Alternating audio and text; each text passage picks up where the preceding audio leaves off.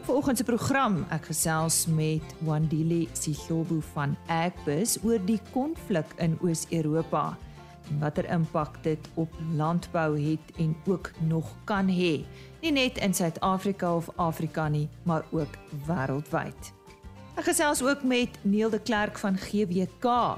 Hulle het saam met Wille Klawer 'n vroeë ontwikkelingsentrum vir plaaskinders op Wille Klawer geopen en ons hoor waarop fokus hierdie sentrum. Dan is Johan van der Berg op sy pos met nuus oor die weer en Chris Derksen staan ook reg met ons vleispryse. Dis dan op RC Landbou vir oggend goeiemôre. My naam is Lise Roberts. Op Vrydag 25 Februarie het die Wes-Kaapse minister van Landbou Dr. Ivan Meyer vergesel deur die uitvoerende burgemeester van Saldanha Bay, raadslid Andre Trieter en die uitvoerende burgemeester van die Weskus Distriks Munisipaliteit, Alderman Rolof Strydom, die Wes-Kaapse Departement van Landbou se mobiele agri-prosesseringseenheid bekend gestel. Dit staan bekend as die Agri Processing on Wheels Initiative en dis by die Genesis Hub in Vredenburg bekend gestel. Hierdie prosesseringsinisiatief is 'n eerste vir Suid-Afrika. Dit bestaan uit 'n mobiele eenheid waar vleis en vrugte en groenteverwerking aan agripreneurs gedemonstreer kan word. Ons sluit nou aan by die minister van landbou in die Wes-Kaap, Dr. Ivan Meyer. Die Wes-Kaapse regering het nou 'n agriprosesseringseenheid op wiele geloods in Vredenburg in die Wes-Kaap. Agriprosessering is 'n groeiende besigheid in die Wes-Kaap en dit skep werksgeleenthede en bied meer werk vir jong mense in die landbousektor. Die Agri op wiele is 'n mobiele agri-prosesseringseenheid wat nou oor die provinsie sal beweeg vir opleiding, werkskepping en indiensname vir mense in die Wes-Kaap. En so sê die minister van landbou in die Wes-Kaap, Dr. Ivan Meyer. Dis nou tyd om bietjie weer sake te gesels en daarvoor sluit ons aan by Johan van der Berg. Johan, baie dankie vir jou tyd weer vandag. Um ek wil so 'n bietjie internasionaal begin. Daar in Australië het ons gehoor van hierdie uh verskriklike vloede daar in die ooskus van Australië. Is ek reg? Wat wat's die verduideliking daarvoor? Ja, net om so 'n bietjie op te vang. Um dit het uh in Queensland, so dit het begin so noord van Brisbane en op die kus langs beweeg en verby Sydney toe dit al redelik um begin swakker of minder reën wat daar voorgekom het. Maar daai het groot hoeveelhede reën uh, voorgekom.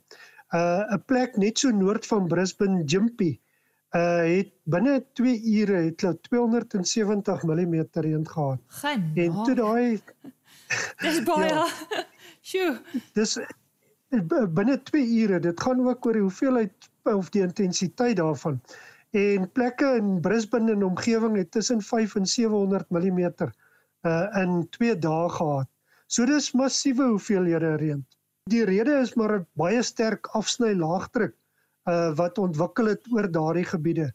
En dit is wat baie keer voorkom tydens La Nina seisoene. En ek lees hulle sê dis die ergste vloed uh, na die La Nina van 2010 2011 uh wat voorgekom het. So dis die tipe van goed wat maar voorkom met met La Nina verskynsels. Nou baie vrae, ons het al daaroor geskryf en gepraat. Um is daar enige verband tussen wat in Australië gebeur en in Suid-Afrika?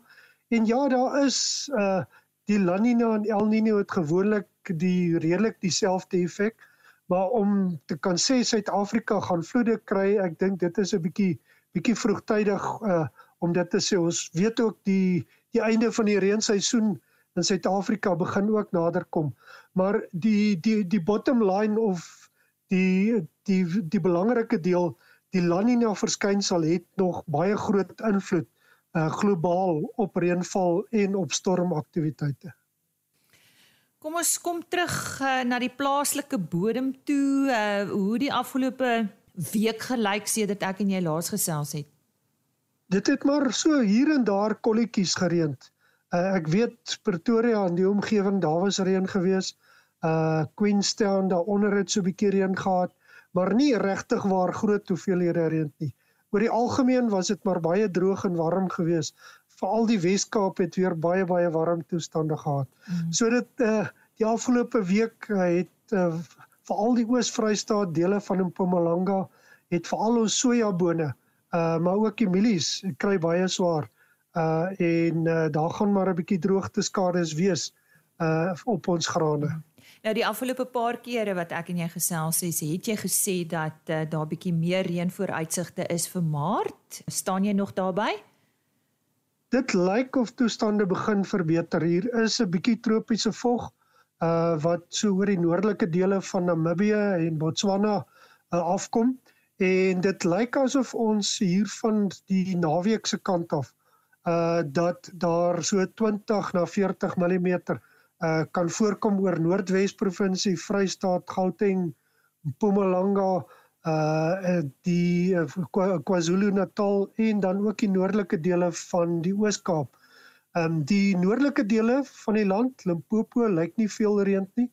Uh en dan ook in die weste kant die grootste deel van die Noord-Kaap en die Wes-Kaap en die westelike dele van die van die Oos-Kaap. So dit lyk tog asof hier darmer ver, verbetering is wat uh, besig is om plaas te vind en dit lyk of dit so kan aanhou tot so hier by die 12de 13de Maart se kant. Uh wanneer ons weer so 'n week dalk weer 'n bietjie droër uh, toestande gaan kry. So oor die algemeen lyk die toestande swakker uh, as wat uh, ons aanspel ons uh, aanvanklike voorspellings was op hierdie vir Maart maand. Maar uh gegee die La Nina wat nog redelik sterk is en weer so bietjie versterk het hierdie afgelope week of so, is die kanse goed dat ons nog voor die win winter uh veral hier rondom April maand se kant nog 'n redelike klompie reën oor die somerreënvalgebied kan kry. Ja, want ek sien van ons bome verloor al blare, so ons is eintlik half besig om so in herfsttydperk in te gaan. Ons is al 'n hele entjie verby verby die draaipunt van die son uh, waar dit meer na die noordelike halfrond toe gaan.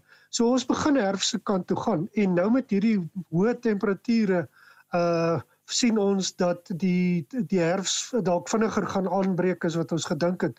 Gewoonlik is dit maar hier na die laaste deel van Maart, maar ja, Maart maand kan alreeds kan herfstoestande kan voorkom en natuurlik soos ons sê met die droër toestande uh, gaan die bo bome gooi vroeër hulle blare af dan ook. Baie dankie aan Johan van der Berg, soos altyd beskikbaar om met ons te gesels oor die weer. Volgende aan die woord is professor Frikkie Maree. Hy is die redakteur van die Veeplaas tydskrif en die Maart uitgawe is nou op winkelrakke beskikbaar. Dankie Liza. Maart maand is gewoonlik die tyd van die jaar wanneer die grootste speentyd onder beesprodusente in die somerareas so stadig aan begin en die hoeveelheid speendiere tel dan gewoonlik op na April, Mei en Junie toe. Nou dis dan net nodig dat die Maartmaand uitgawe van Veeplaas bietjie fokus op hierdie speentyd en hoe jy kan voorberei daarvoor en baie van die artikels fokus dus dan op die voerkraalbedryf en voeding en dan ook hoe jy verse wat jy gehou het om um, as vervangingsdiere moet bestuur. So die hoofartikel gaan dan oor die rol van voerkrale in ons rooi vleis ekonomie en ons weet dat in Suid-Afrika voerkrale 'n baie groot rol speel en die meeste van ons beesvleis deur voerkrale kom, maar hoe groot is hierdie rol regtig? En dan 'n tweede redelike aktuele artikel gaan oor die vleisklassifikasiestelsel in Suid-Afrika en die vraag is weer eens daar of ons dit moet hersien aan die gewone afdelings van die boek ouer gewoonte weer daar en in die rooi vleisbedryf kyk ons na ervaring en nuwe denke by wat Sparta se wenresep is. Um in die suiwelbedryf is daar artikel hier so voor die winter reg met ons is oor riglyne vir speendoop as dit begin koue raak. Onder voer en weidings is daar artikels oor geleenthede vir losering, hooi en voerkrale en dan ook presisievoeding vir ekonomiese afronding. In genetika en veehantering is daar voorbereiding van oeye vir die nuwe teelseisoen. Daar's 'n bietjie van die beesbedryf af wegstaan onder diere gesondheid om hoe om jouself te verskans teen biosekuriteitsrisiko's wat 'n al hoe groter probleem raak en onder plaasbestuur is daar hoe prysbepaling by voerkrale voorkom as ook 'n goeie veldbestuurstelsel vir vee en veld. So ek dink is weer eens 'n tydskrif vol goeie inligting reg vir hierdie tyd van die jaar. Professor Frikkie Marie wat vandag met ons gesels het oor wat te lees is in die Maart uitgawe van die Veeplaas tydskrif. Chris Derksen staan gereed met ons vleispryse en dit is dan weeklikse vleispryse wat behaal is by veilinge in die Noord-Vrystaat. Môre Chris. Goeiemôre Lisa aan al ons medeboere. Weet ek moet my nou nie slim hou vandag nie want dit is bietjie uit my veld uit. So ons sal maar sien wat hierdie gemors in Oekraïne doen. Aan die een kant kan dit graanpryse dramaties opstoot wat logies is. Maar aan die ander kant kan dit kunsmispryse ook opstoot soos dit reeds die diesel en oliepryse opgestoot het. So ons weet regtig nie presies wat die effekte gaan wees nie. Maar ek gee vir julle intussen die pryse, dit werk so. Hierdie tyd van die jaar is die jaar wat die tyd van die jaar wat speenkalvers gewoonlik volop is want dit word speentyd vir die winter. En tweedens moet ons hou die belastingkopers is uit die mark uit wat 28 Februarie gewoonlik inkoop. So daarna is dit as 'n reël is speenkalvers effens goedkoper van nou af deur tot Junie Julie maand en dan begin hulle weer optel. Maar ek gee vir julle die presiese pryse. Speenkalvers onder 200 kg het gegaan vir R43.16 van 200 tot 250 kg R41.04 en oor 250 kg R38.49. A klasse was R30.88, B klasse R26.10, vetkoeie R24.50 en ons verwag eintlik vetkoeie sal volop word die tyd van die jaar. En dan graad 0 maarkoeie was tussen 19 en R22.50. Slagbulle R25.66. En vanaf die skaapmark stoorlammetjies R44.53. Slaglammers R37.61. Stoorskape R33.22. Vetskape R30.48. En vanaf die bokmark was lammers R50.25 en ooe R40.77 per kilogram. En dit is onthou, dit is ons beste pryse, dis nie die gemiddelde pryse nie. En indien jy enige verdere inligting nodig het, skakel ons maar enige tyd by 08280 75961 of jy kan na www.vleisprys.co.za gaan of na vleisprys by Twitter. Baie dankie. Chris Derksen wat ons daarop hoogte gebring het van die nuutste vleispryse wat behaal is daar by veilinge in die Noord-Vrystaat.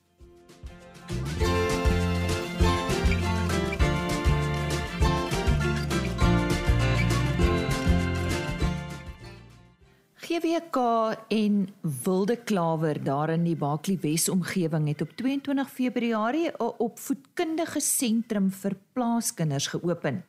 Dit staan bekend as Klawer Kleuters en dit is die tweede sentrum van die aard wat GWK in samewerking met boerderye van die omgewing op die been bring.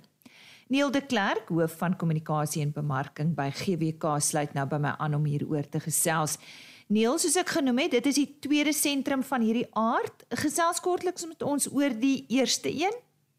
Ons het in Februarie 2020 die eerste opvoedkundige sentrum vir plaaskinders in die grondslagfase in samewerking met Gerard Brouwer van Genade Boerdery op sy plaas by die Douglas begin.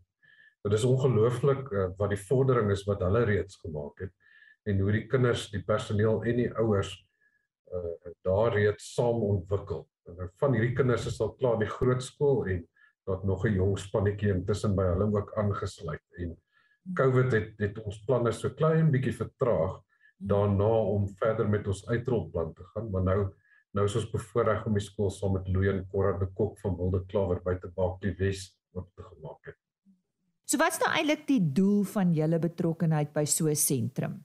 Kerkkaar se betrokkeheid in die gemeenskap is tot 'n groot mate daar daarop gefokus om 'n pipeline vir talentontwikkeling in landbou te stimuleer.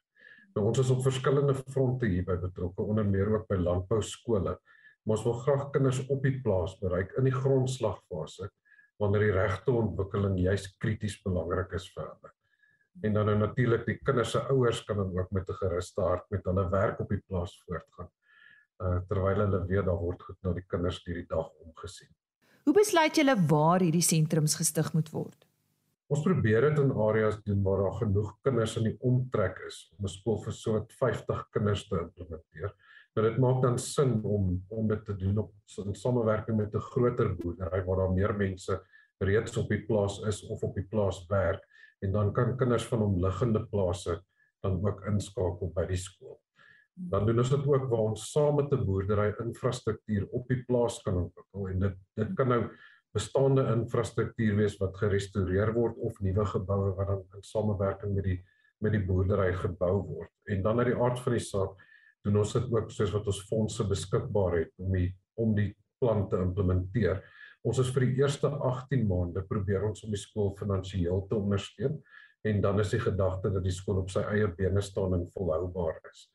Uh dan is dit ook vir ons belangrik dat die dat die uh lesse en om die skool by te woon nie verniet moet wees nie, maar dat daar 'n geldjie betaal word vir vir skool. Al is dit 'n klein bedrag, maar dis ons dan seker maak dat die ouers eienaarskap aanvaar en dan ook self die die verantwoordelikheid neem vir hulle kinders se toekoms. So waarop fokus hierdie sentrum? So soggens maak 'n opvoedkundige assistent seker dat die kinders gestimuleer word in die in die regte onderrig kry en op 'n holistiese wyse kan ontwikkel. En dan in die middag word hulle besig gehou met met speletjies en en ander opvoedkundige vermaak. En dan die kinders kry 'n gebalanseerde ontbyt sodra hulle in die oggend by die skool aankom. Hulle kry teetyd, kry hulle ietsie om te eet en dan ook 'n gesonde ete vir middagete. En al hierdie etes is dan ook deur 'n gekwalifiseerde dieetkundige ontwikkel. En so 'n bietjie meer oor die kinders, spesifieke ouderdomme? Die kurrikulum is ontwikkel vir kinders van tussen 2 en 5 jaar oud. So aanvanklik is dit net kinders van die betrokke plaas wat deelneem, maar die doel is om ook kinders van naburige plase in te sluit. Nou in Wilde Klawer se geval byvoorbeeld uh, gaan personeel van die boerdery wat in die dorp woon se kinders ook by die skool onderrig en versorg word. So die die moontlikhede is regtig groot om kinders in daai kritiese ontwikkelingsfase dan te vang. Wat hou die toekoms in Neil? Beplan julle nog sulke sentrums? Verseker ja, ons het heelwat tyd bestee om 'n model vir volhoubare implementering van hierdie skole te ontwikkel. So die vraag wat ons vra is hoe ongelooflik sal dit wees as ons 100 skole saam met verskillende vennote kan implementeer Nou dis 'n groot droom, maar dan maak ons jaarliks op Suid-Afrikaanse plase in die lewe van so 5000 kinders in die grondslagfase verskil wat werklik 'n groot impak kan hê. Uh en ons dink saam met die regte vennote is dit verseker 'n droom wat haalbaar is. Dis Daniel de Klerk, hoof van kommunikasie en bemarking by GBK wat vandag met ons gesels het oor hulle betrokkeheid by 'n vroeë opvoedkundige ontwikkelingsentrum vir plaaskinders wat op 22 Februarie geopen het op die plaas Willeklawer daar in die Baklie Wes omgewing. Die huidige konflik in Oos-Europa het 'n duidelike en kommerwekkende impak op landbou in Afrika en ook in Suid-Afrika, maar seker die wêreld ook.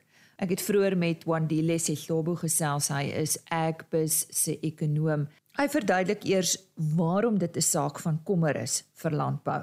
The the challenge here is in two ways. Uh firstly on the uh, commodities price perspective and the impact on consumers. And the second one is on the fertilizer side and the inputs for farmers. But let me quickly begin with the first one. Firstly, Russia and Ukraine are the major players in global agriculture. They constitute uh, roughly 24, 26% of global wheat exports, 14% of global maize exports, just under 60% of global uh, sunflower uh, oil exports. Uh, and now, because of that volume, the current difficulties and the war that is there, it has caused fears that there might actually be a disruption on the movement of commodities. And we are already seeing with the sanctions that have been put on Russia, for example, on the SWIFT, which is the global banking payment system, that some Russian uh, banks are, are going to be excluded from international payment system. And that adds another constraint in as far as trade is concerned. And on the input side, it's a similar story because Russia is a leading exporter of fertilizer generally, accounting for about 14% of global fertilizer uh, uh, exports. both the grains as well as the fertilizer prices are already elevated.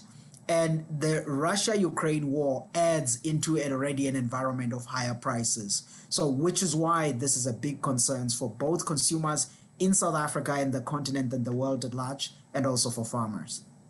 Ek het hom uitgevra oor wat in en uitgevoer word vanaf hierdie lande. Basically what, what the current war it doesn't really matter how which commodity you move or not because the channels of all of this comes through international prices and South Africa is interlinked with the global market.